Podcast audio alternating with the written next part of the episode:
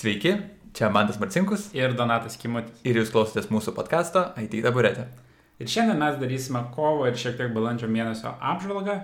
I- Ir šiaip mūsų podcastas šiandieną susidarys iš tokių trijų labiau dalių. Tai pradžiai pakalbėsime apie tai, kaip e, koronaviruso sukeltas karantinas paveikia programuotojus Aha. ir jų darbo specifiką.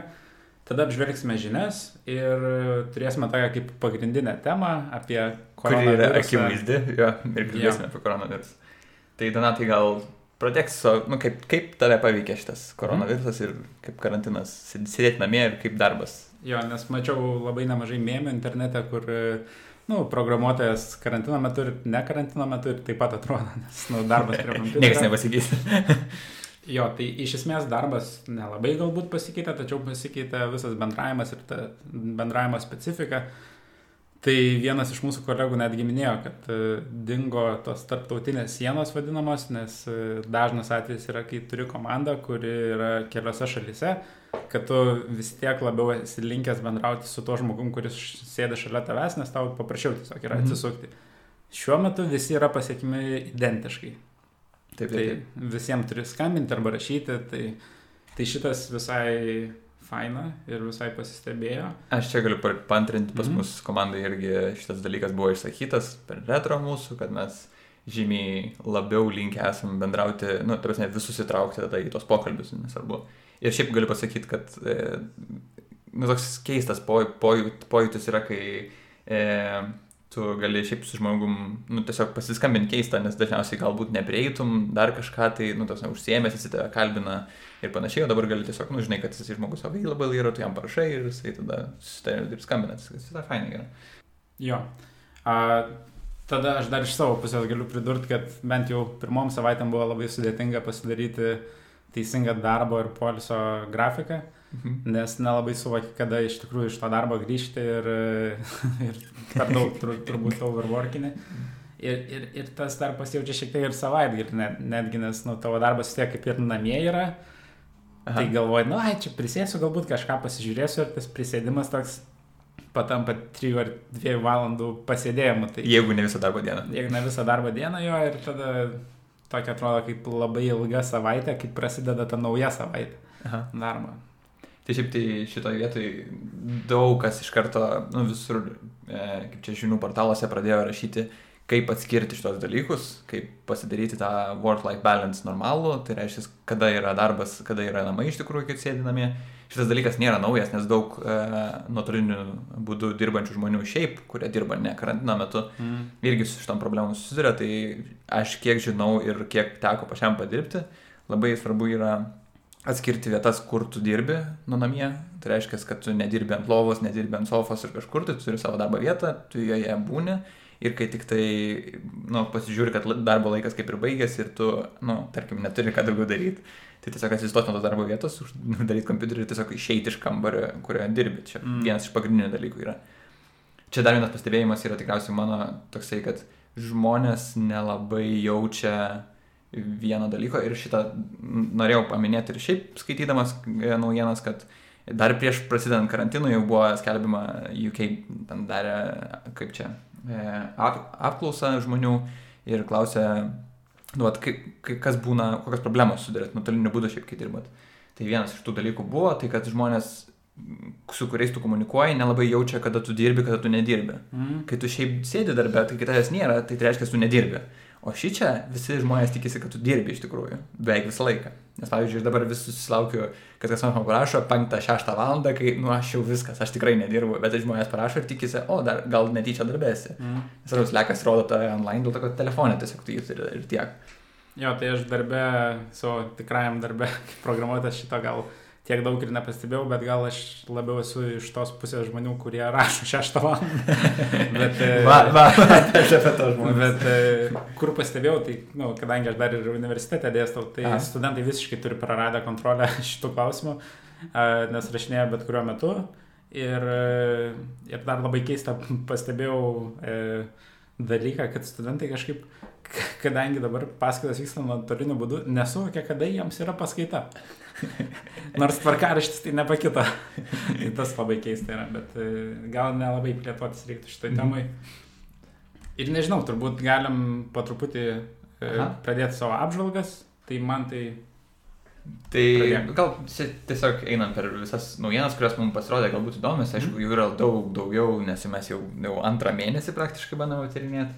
Tai pirmas dalykas, ką pastebėjau čia pradžioj e, e, kovo, buvo tai, kad e, buvo atrastas gana didelis e, pažeidžiam, e, saugumo pažeidžiamumas Mhm. Android įrenginiuose.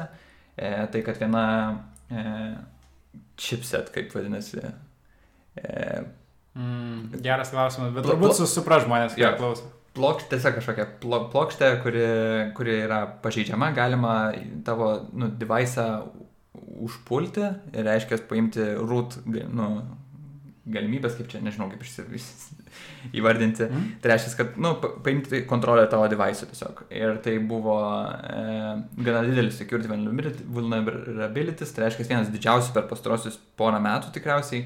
Ir labai daug device'ų buvo nu, pasidarę pažeidžiami. E, nu, jeigu ten turi tam tikrą plokštę, tai yra tas MediaTek kažkuri ten versija specifinė. Bet e, paskui išėjo daugma, nu, per visą mėnesį išėjo daug security update'ų, kur visgi skatiname kiekvieną security update įrašyti, nes neaišku, ka- kas taikosi tavo telefoną arba bando tavo kažkokius duomenis surinkti, Mhm. jeigu turi tam tikrą telefoną. Tai va. Mhm. Tada sekanti naujiena yra ganėtinai trumpa, bet labai džiugi, sakyčiau. Tai GitHub'as paskelbė jų privačios repozitorijos ir Aha. privatus e, programos kūrimo procesas pas juos tapo nemokamu, nors anksčiau buvo mokamas. Ir, e, nu ir tiek turbūt.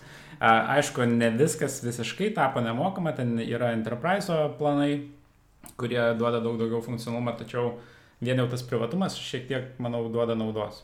Aha. Aš šiaip iš savo patirties atrodo, kad kartais pritrūksta tos privačios savo repozitorijos ir tu nenori mokėti vien dėl to, kad nori tiesiog mm. privačią repozitoriją, kai yra tokių pasirinkimų kaip Atlassiano gitas, kur e, tu gali neturėti tas nemokamas repozitorijas, bet tiesiog gal dirbi, žinai, GitHub'ų daugiau ir tau nepatogu prisijungti, tada tu moki pinigus. Bet Microsoftas, mano nuomonė, daro teisingus žingsnius į tą pusę, kad nu, tokius dalykus mm. nemokamai suteikia. Jo, ir e, dar skaičiau vieną komentarą apie šitą naujieną, kad e, tai iš kur dabar GitHub'as užsidirbs pinigus, nes nu, gi daug kas už tas privačias mokėdavo. Tai pasirodo labai mažą dalį GitHub'o pelno sudaro privačių repozitorijų tas planas, Mhm. didžiąją dalį su- sudaro enterprise planas. Mhm. Tai, tai, va, tai turbūt jie savęs gal labai stipriai nenusiskriaudė. Ja, tai dar viena naujiena prie turbūt irgi pakankamai didelė su GitHub'u susijusi. Tai kad nusipirko uh, NPM, -ą. NPM yra JavaScript uh, registries package. E, tai jeigu kas nors dirba su JavaScript, tikrai žino, kas yra NPM. Tai toks nepakeičiamas daiktas praktiškai e, flow visam developmento. Tai tiesiog GitHub'as jį nusipirko ir inkorporuos tikriausiai gal nu- net ir GitHub'ą, arba bent jau duos jam supportą. Iš tikrųjų gan daug parašyta apie tai yra e, naujienose, galima pasiskaityti. Ten pagrindiniai dalykai tikriausiai yra, kad ką darys e, Microsoftas arba GitHub'as, kitaip, kitaip sakant, kad, e, kad in, investuos į infrastruktūrą, e, pačią, pačią platformą, kad būtų geriau vykdoma NB, nu, tai registrio veikla. Nu ir iš esmės va tokius dalykus ir dar galbūt įtraukti daugiau community į pokyčius šito dalyko. Nu, ką GitHub'as ir šiaip sėkmingai daro pagal mane, kai tik Microsoftas jį nusipirko, daug Mhm. visokių feature išėjo iš tikrųjų. Tai va. Mhm.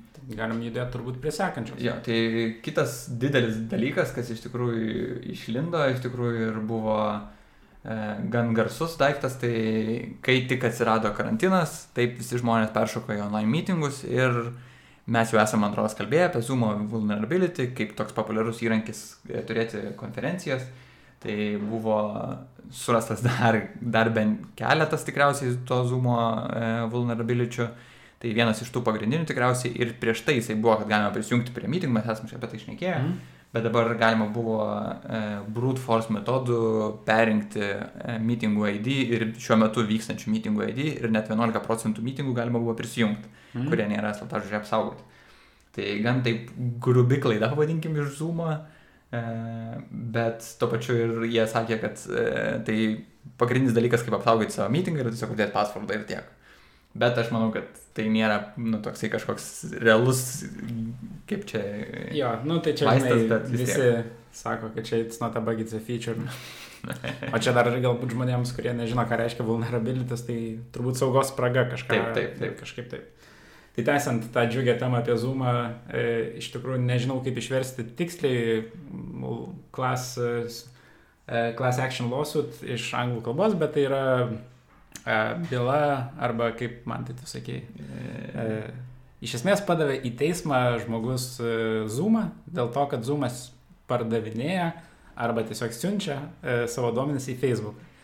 Ir, e, ir siunčia tokius duomenis kaip e, e su kokiu tu dabar įrenginiu esi prisijungęs, kokioj laiko juostoje esi, koks tavo yra telefono operatorius ir netgi tokį dalyką kaip tavo unikalų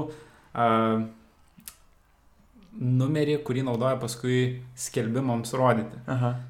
Tai va, tai patikrino tiesiog, e, paėmė vienas žmogus ir patikrino, koksai netvarkas e, išeina iš Zoom pokalbio metu ir pamatė, kad siunčia duomenys į Facebooką. Tai Zoom šitą pripažino, išleido naują versiją, kurioje nebesiunčia, bet tos versijos, kuris siunčia, neuždarė. Ir reiškia, jeigu tu vis dar naudoji tam tikrą Zoom versiją, tai tu vis dar siunti savo duomenis. Tu esi trekinimas iš principo, šiaip nu, toks nelabai irgi. Tai Zoomas labai daug tokio backlash'o čia gavo už tai, už visą tokią veiklą, kur šiaip atrodo sistema nepasiruošusi šiaip Kas yra gaila, produktai. nes iš tikrųjų Zoomas visai smagus įrankis videokonferencijom. Taip, daug žmonių, net ir dabar per koronaviruso metu, daug žmonių susiskambina šiaip palaiko ryšį, tai reiškia net nedarbas, bet šiaip susiskambina. Tai manau, kad įrankis šiaip neblogas, tik tai, kad vat, turi tam tikrų problemyčių. Bet šiaip labai tikriausiai verslui geras pokytis yra, kai staiga visi turi būti namie ir turi palaikyti kontaktą. Mm.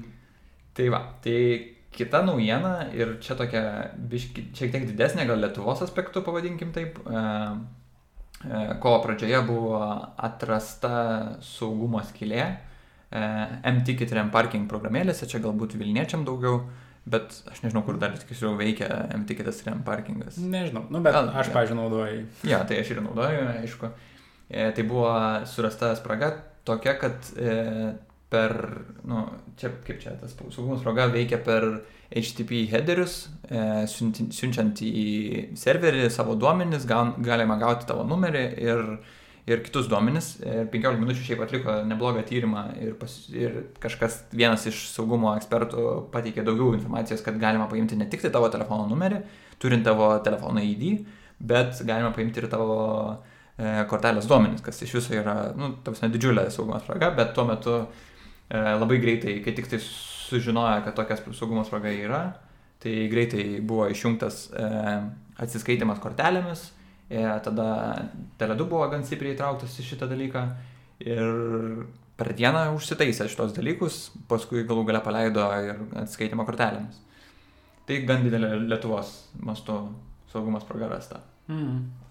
Gerai, tai turbūt galime apžvelgti dabar kitą segmentėlį, kuris pas mus pavadintas Microsoft. E, Kaip nes man kažkodėl. Ja, nežinau, ar dėl to, kad mes tiesiog ten žiūrim daugiau, bet e, naujienų jie visada turi nemažai ir e, man tas turbūt pradės nuo vienos iš skambiausių. Aš gal tiesiog pridursiu, kodėl. Mano nuomonė, tiesiog Microsoftas yra labai didelis, daug dirba su software'u ir panašiai ir mes kalbame apie tokius mhm. dalykus, tai galbūt ir yra. Tai mes labai mažai Google naujienų paliečiam, bet gal tiesiog nesiseka surasti jų arba tiesiog nekreipiam tiek daug dėmesio. Nu, bet čia. Tai pagrindinė naujiena tikriausiai yra kovo mėnesį e, iš Microsoft tarybos e, e, atsistatydino Bilas Geisas. Tai čia wow. pak pakankamai didelis pokytis. Galbūt, kiek, kiek jis ten metų prabuvo?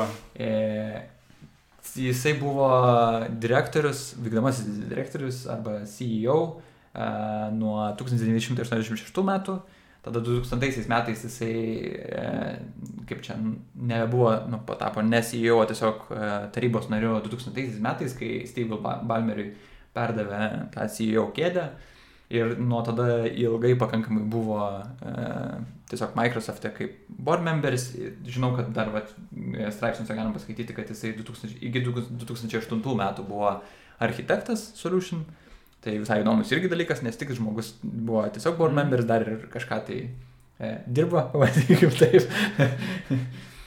ir tada, jo, ir paskui jisai atsisakė šiaip ir tos tokius, kaip čia, kitos kėdės, e, bo, tarybos nario kėdės šiaip atsisakė, bet jisai dalyvavo toj taryboje ir dabar jau visiškai, a, a, nu, tiesiog nebebus tarybos nariu.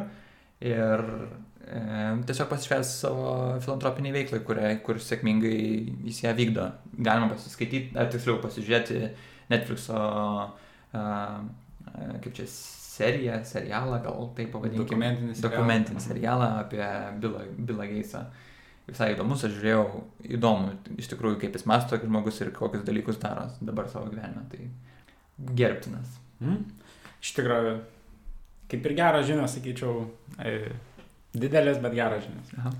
Gerai, tada aš dabar paversiu šiek tiek žinių apie dotnetą. A, labai trumpai turbūt, nes turim dar nemažai ką aptarti. Mhm. Tai, tai pirmoji žinia yra, kad jau yra išleista e, .NET 5 preview 1 ir preview 2, 2 versijos. E, tai galima jas parsisiųsti, išbandyti ir e, berots jau kalbėjom savo vienam iš podcastų, kad tai yra naujausia .NET, .NET Core versija ir nebebus e, .NET. Šiaip tiesiog .NET. bus versija. tiesiog .NET. Taip, Mhm. tai e, oficiali versija turėtų išeiti šių metų rudenį. Tai va, tai galima pabandyti, tuo pačiu yra išėjusi ir e, Entity Framework Core 5 versija. Taip pat e, .NET, .NET Core komanda pristatė labai įdomį įrankį, tai Uninstall Tool. Dėl to, kad e, dažnai, kadangi dažnai labai keičiasi .NET Core versijos, tai visi prisirašo jų skirtingų ir tada yra sudėtinga jas išvalyti. Tai dabar net ir Visual Studio installeris šiek tiek kitaip elgsis ir jisai išvalys tavo prieš tai buvusias versijas, Mhm. e, minor versijas, e, major paliks. Bet tam, kad tau nereikėtų eiti į program, į startą, į install programs ir taip toliau, galėsi viską daryti per command line tools, kas galbūt ir visai yra faina. Tada kita naujiena yra ta, kad .NET Core komanda taip pat dirba ant e, naujo projekto pavadinimo Modern Forms, kurios turėtų pakeisti Windows formas Mhm. ir kurios turėtų veikti ant visų platformų. Ir e, kaip tai bus įgyvendinta dar nelabai yra aišku ir šitas projektas yra labai ankstyvoje stadijoje, bet jį taip pat galima jau išbandyti. Galima tai gal pasakyti, kad e, jis bus, e, e, jo pamatai bus padaryti iš mono platformos, iš tam tikro toolso, kuris vadinasi Avalonija ir Skia Sharp. Tai iš esmės galbūt ir įdomu dėl to, kad turbūt plačiai naudojamas dar vis yra šitas įrankis Aha. senesnėse platformose. Šiaip tai naudojama. Naudojama, šiaip jo. Nu, ir aš galiu pasakyti, kad ir universitete tai naudojama. Tai va, ir e, paskutinė naujiena susijusi su .NET, tai kad .NET penktame .NET bus padaryti nemaži regexo improvementai. Tai nebūtinai reiškia, kad e, žmonės daug regexo naudoja, bet e, pats .NET frameworkas yra nu, labai plačiai naudoja tą regexą ir e, didžioji dauguma kverių bus paimprovinti nuo 3 iki 6 kartų. Mhm. Bet kai kurie jie bent jau rašo dar labai labai daugiau. Bet nespesifina kiek. A, bet čia tiesiog gal toksai e, improvementas visai ne, neblogas. Tai va, mano dar neto naujienas e, į pabaigą. Man tai gali perimti. E, taip. Tai čia tokia potėme galbūt truputėlį e, palyginimas dviejų platformų darbui skirtų, nes žmonės, galbūt mes jau per vėlai tikriausiai apie tai kalbam, bet e, galbūt reikėjo iš karto, kai tik tai prasidėjo koronavirusas, e, palyginti dvi pla- platformas, tai susirašinėjimo, nu, darbui skirtas, pavadinkim, nuotolinio būdu. Mm. susirašinėjimui, e, kolams ir panašiai. Tai aišku, lyginsim Slack ir Teamsus, Microsoft'o ir Slackas yra tiesiog savo standalone'as, sistema. Tiesiog slekas. Slackas, jo, visi žino Slacką, arba ir mažiau kas žino Teamsus, šiaip kas, nu, įdomu. Tai vienintelis dalykas, nu, esminiai skirtumai tikriausiai yra tokie, kad, e, nu, ta prasme, galima padalinti tris e, pogrupius, kokie skirtumai yra, tai reiškia, kiek žmonių gali prisijungti, e, paskui kiek gali būti apribojimai e, tarp mokamos ir nemokamos versijos ir tada galbūt, e, nu, ta, dar ta, tam tikrų feature tiesiog. Tai Teamsų, e, Teamsų ir Slacko žmonių kiekis prisijungučių nemokamai versijų yra neribojamas, mm. čia įdomus dalykas, bet pavyzdžiui labai da, įdomesnis dalykas, kad Teamsuose, jeigu tu pradedi mažiausią bazinę versiją, pasiemas ir moki pinigus, tu gali e, tam tikram space turėti tik tai 300 žmonių. Nu, čia didelė, didesnė įmonė, tai galbūt ir yra kažkoks tai problematiškas, bet tada galima labai brangų planą pasimti, enterprise ir tada galima irgi vėl neribotai turėti. Tada Slack yra tiesiog neribojamas, Bet Slack yra tada nemokamai versija apribota, kiek žinučių gali, e, ap, nu, serčą padaryti. Mm? Tai ten iki 10 tūkstančių, šiaip įdomu tai, kad iš tikrųjų žmonės daug prirašo ir galima paskui, pas, nu kaip čia, susidurs problemą, kad nerasi dalykų, kurių ieškai. Tam Mhm. naudoti reikia pinint tam tikrus inform svarbią informaciją, kad galėtum atsirast. E, kitas dalykas yra tai, kad e, Teamsai, e, kai tu gali šėrinti arba storinti tam tikrą informaciją, leidžia tik tai daryti tik tai 2 gigabaitus, e, mokamai versijai išauga, tas labai stipriai iki 10 terabaitų, Slackas leidžia 5 gigabaitus, irgi išauga mokamai versijai. E, vienas svarb, tikriausiai pats svarbiausias dalykas, bent jau mano akise, yra, mes susidūrėm šitam, su šito darbė, tarp kitko, kai Skype'as, Skype for Business užlūžo, Mhm. tai kad e, Slacko pokalbėje gali dalyvauti tik 15 žmonių. Ir čia yra, ne, nu, prasme, net ir nemokamai versijai negali, prasme, mokamai versijai negali daugiau dalyvauti nei 15 žmonių. Mm. E, ir kita, o Teams'ose tuo tarpu šitas dalykas yra neribojamas, tai reiškia, kad gali dalyvauti ir daug žmonių, nu, jeigu mokamai versijai tam tikroji iki 300 reiškia, tai kas visai yra patogu ir to- mano nuomonė turėtų būti neribojama, bet tikriausiai kažkokie infrastruktūriniai dalykai Slack'ui neleidžia šito dalyko daryti arba jie ima pinigus. E, tai kitas dalykas, kokie feature yra tai, kad Slack'as nemokamas, neleidžia šėrinti savo ekraną, kas man buvo šiaip nu, keista, Mm. O tuo tarpu Teamsai leidžia ir Teamsai dar tuo pačiu leidžia įrašinėti meetingus. Ko Slackas net neturi tokio feature iš viso nei mokamai, nei nemokamai versijai. Tai va, tai naudokit kas patogu. Esi naudojęs Teamsus? E, ne. Tai aš galiu dar truputį tada pridėti iš savo patirties tos mažos, nes Mhm. Teamsus dabar reikia universitete naudoti.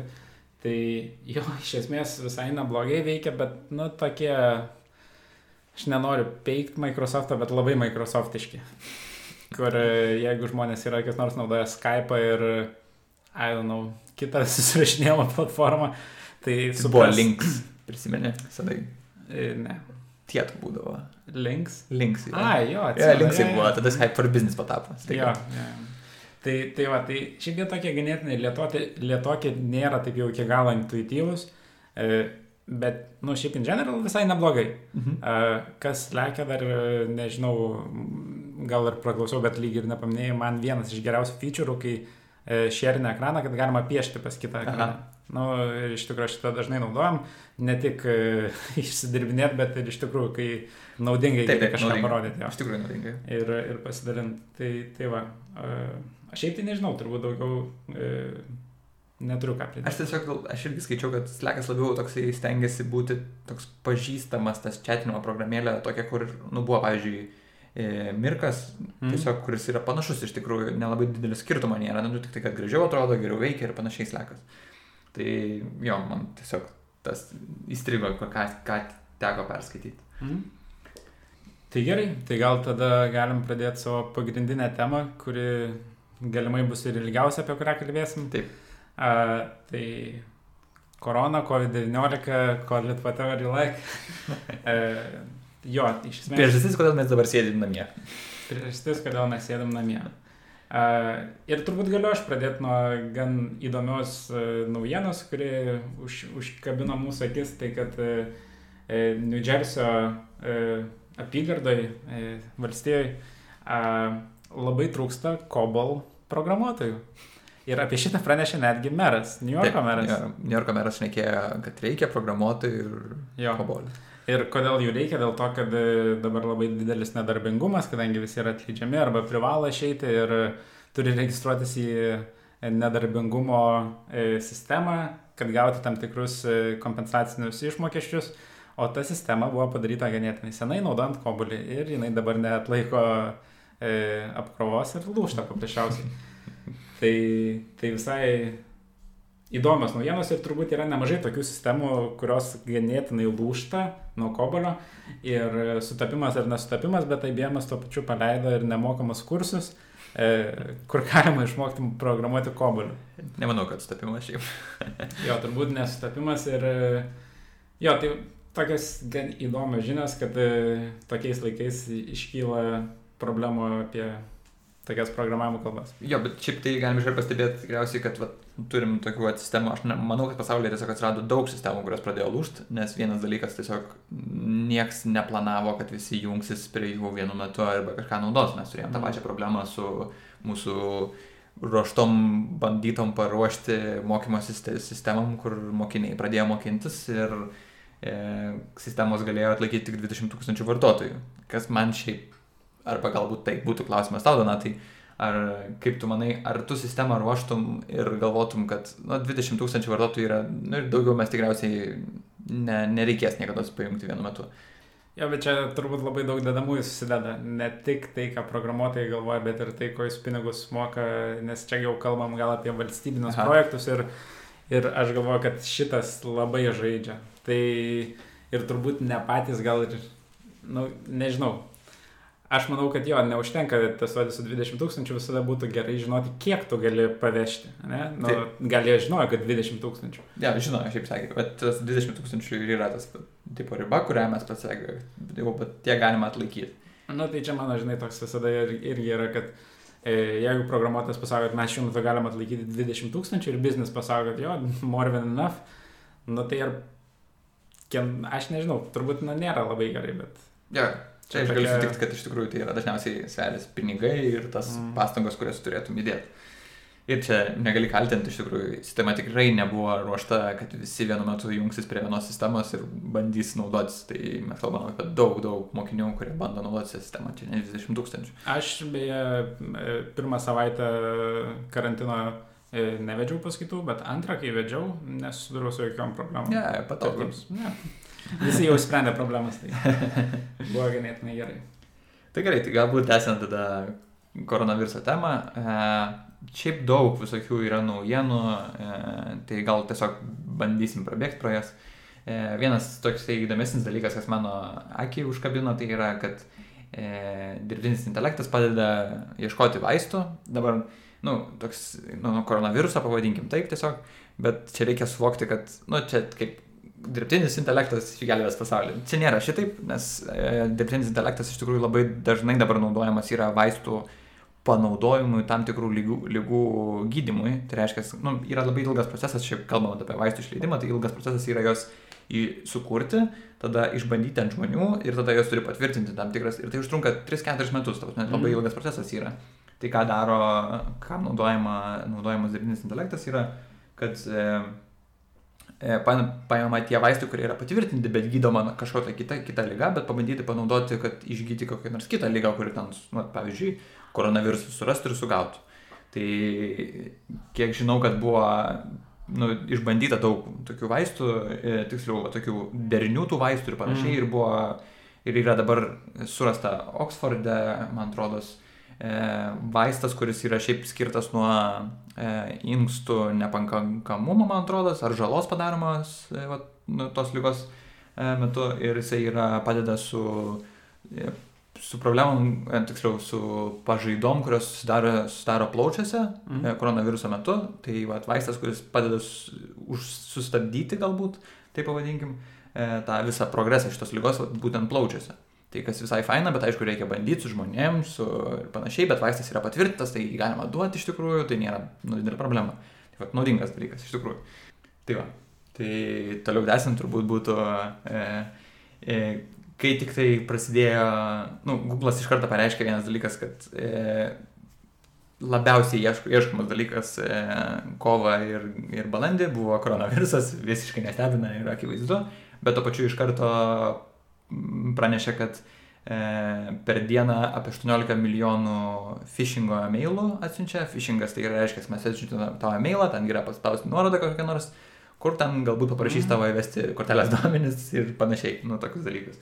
Arba prikabina kokią nors e, failų, kurios galų gali atsidarius, tu gali prasiųsti trojaną, kuris tavo nu, tiesiog tavo paspaudimus, mm. klaviatūras. Iš esmės gali apsikrėsti savo kompiuterį. Jo, jo, virusų. Tai jisai Tai Google pranešė, kad tokių laiškų per dieną išfiltruoja 18 milijonų ir čia buvo kovo pradžioj, tai reiškia, kad net nebejoju, kad jų yra žymiai daugiau, mm. bet jie pasakė, kad e, jų maš, ML, nu, machine learning algoritmai e, sugauna 99,9 procentų tokių emailų ir nusinčia juos į spamą ir rekomenduoja tiesiog netidarinėti, nes nepatikimų emailų ir tiek.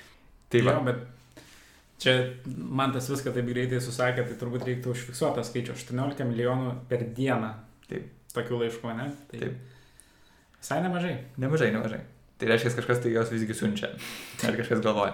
Nes šiaip tai skaičiau ne, tik tai, kad tokių, kur tau trojanų užkrės, bet atsiunčia laiškų, kur galima, nu tiesiog toks kaip čia, e, social hacking daro. Sako, žiūrėkit, paukokit e, koronaviruso kažkokiai labdarai ir panašiai, mm. čia yra nuoroda, veskit, nu tiesiog siūskit pinigus į šitą ir mes ten darysim tam tikrus dalykus.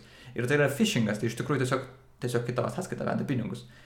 Tai mes žinom, kad turim šiaip gerų iniciatyvų, kaip laikykitės medikai, kur renka pinigus žmonės, e, tiksliau Laisvės televizija arba Laisvės medijų grupas ir perka tam tikrus reikalingas, e, e, kaip čia, Priemonės. priemonės jo, e, kad padėti medikams Lietuvoje, tai tą patį daro šiaip dauguma valstybių ir galbūt ne taip efektyviai, nes pas mus nu, yra didelė problema, bet galima gan aiškiai, nu, tiek žmonių tiesiog nėra, kad mm. būtų didelė problema.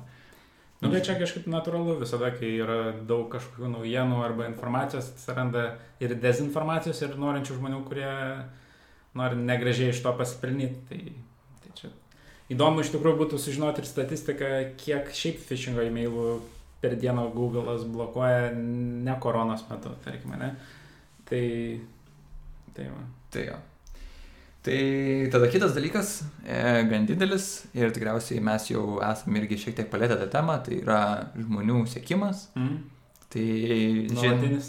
Nuolatinis žmonių sėkimas, tai e, žinom, kad Kinija e, daug jau keletą metų tai daro aktyviai, kuria visokius naujus būdus sekti žmonės ir panašiai.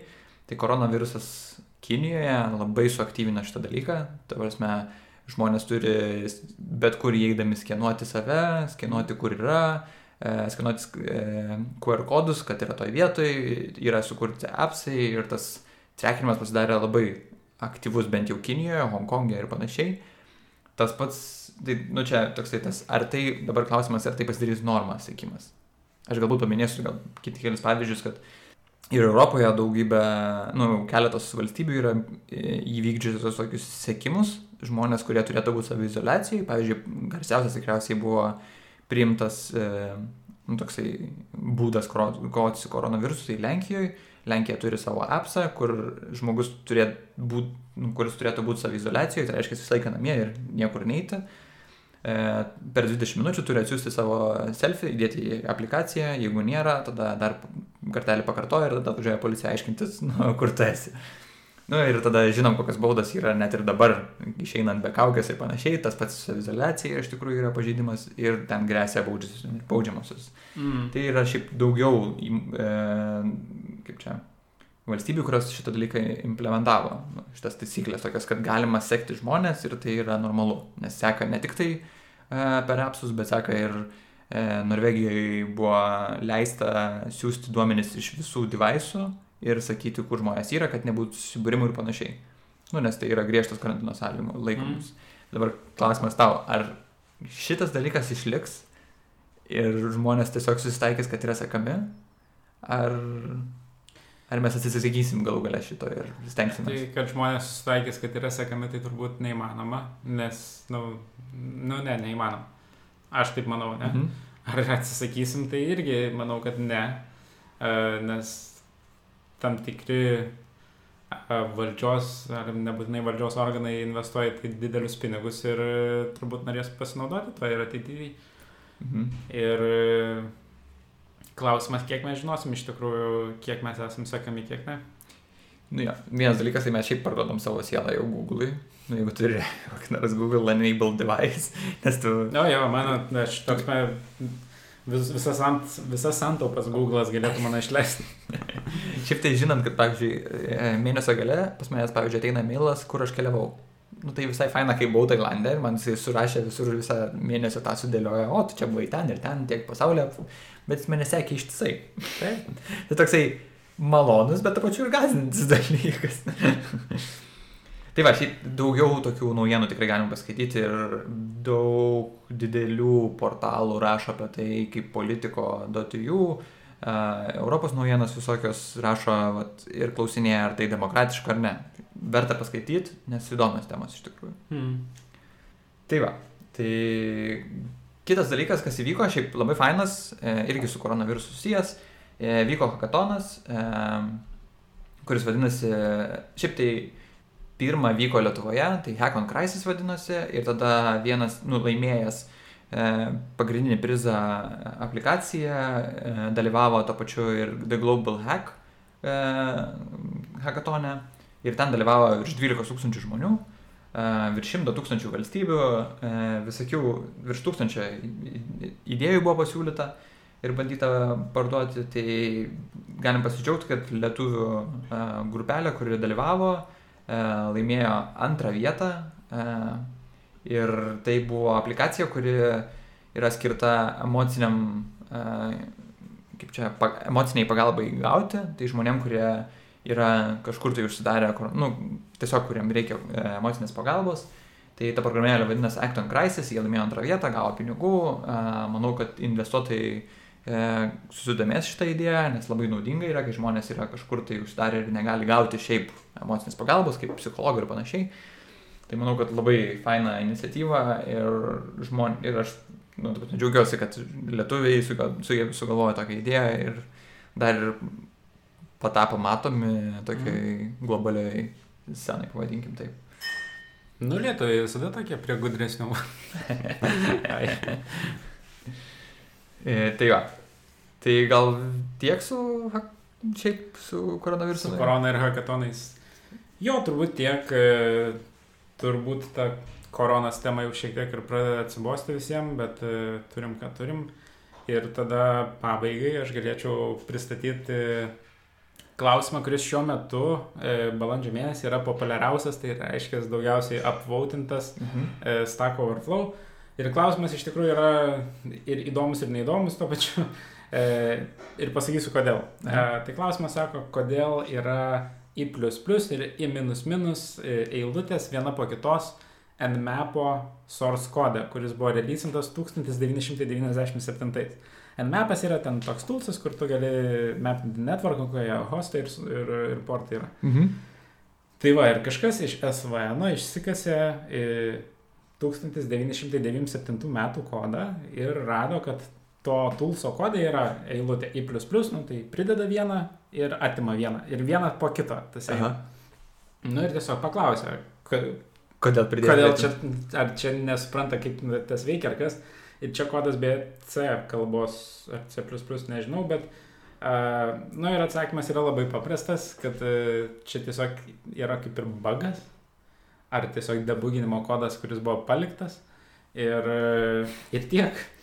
Ir, ir kas dar yra įdomiau, kad tai, šitas kodas buvo tik tai pirmam, e, ne komite, bet pirmojo oficialesniai versijoje ir vėliau jo nebeliko. Tai žmogus dar vadinasi per SVN repozitorijas ėjo per tam tikras versijas, kad atrasti tą kodą.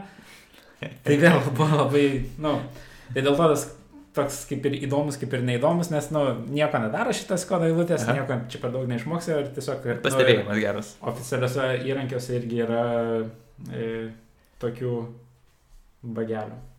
Tai va, tai toksai mūsų Stack Overflow klausimas. Ar dar norėtum man tai ką nors pridėti į šį podcastą? E, manau, kad daugiau nieko. Šiaip atrodo, kad ilgiau turėjom kalbėti, bet visai taip greit prabėgom. Visai greitai, kompaktiškai ir turbūt... E, Ja. Uh, turbūt sekinį kartą susitiksim greičiau nei po mėnesio su pusę. Taip. Uh, neatsimenu jau kada leidom, tai podcastą prieš tai. Uh, tai turbūt... O vidury kažkada, jo. Ja. Turbūt šiam kartui tiek, ačiū, kad klausytės. Ačiū, kad klausytės. Su jums buvo Donatas Kimutis. Mantas Marcinkus. Ir iki susitikimo. Iki.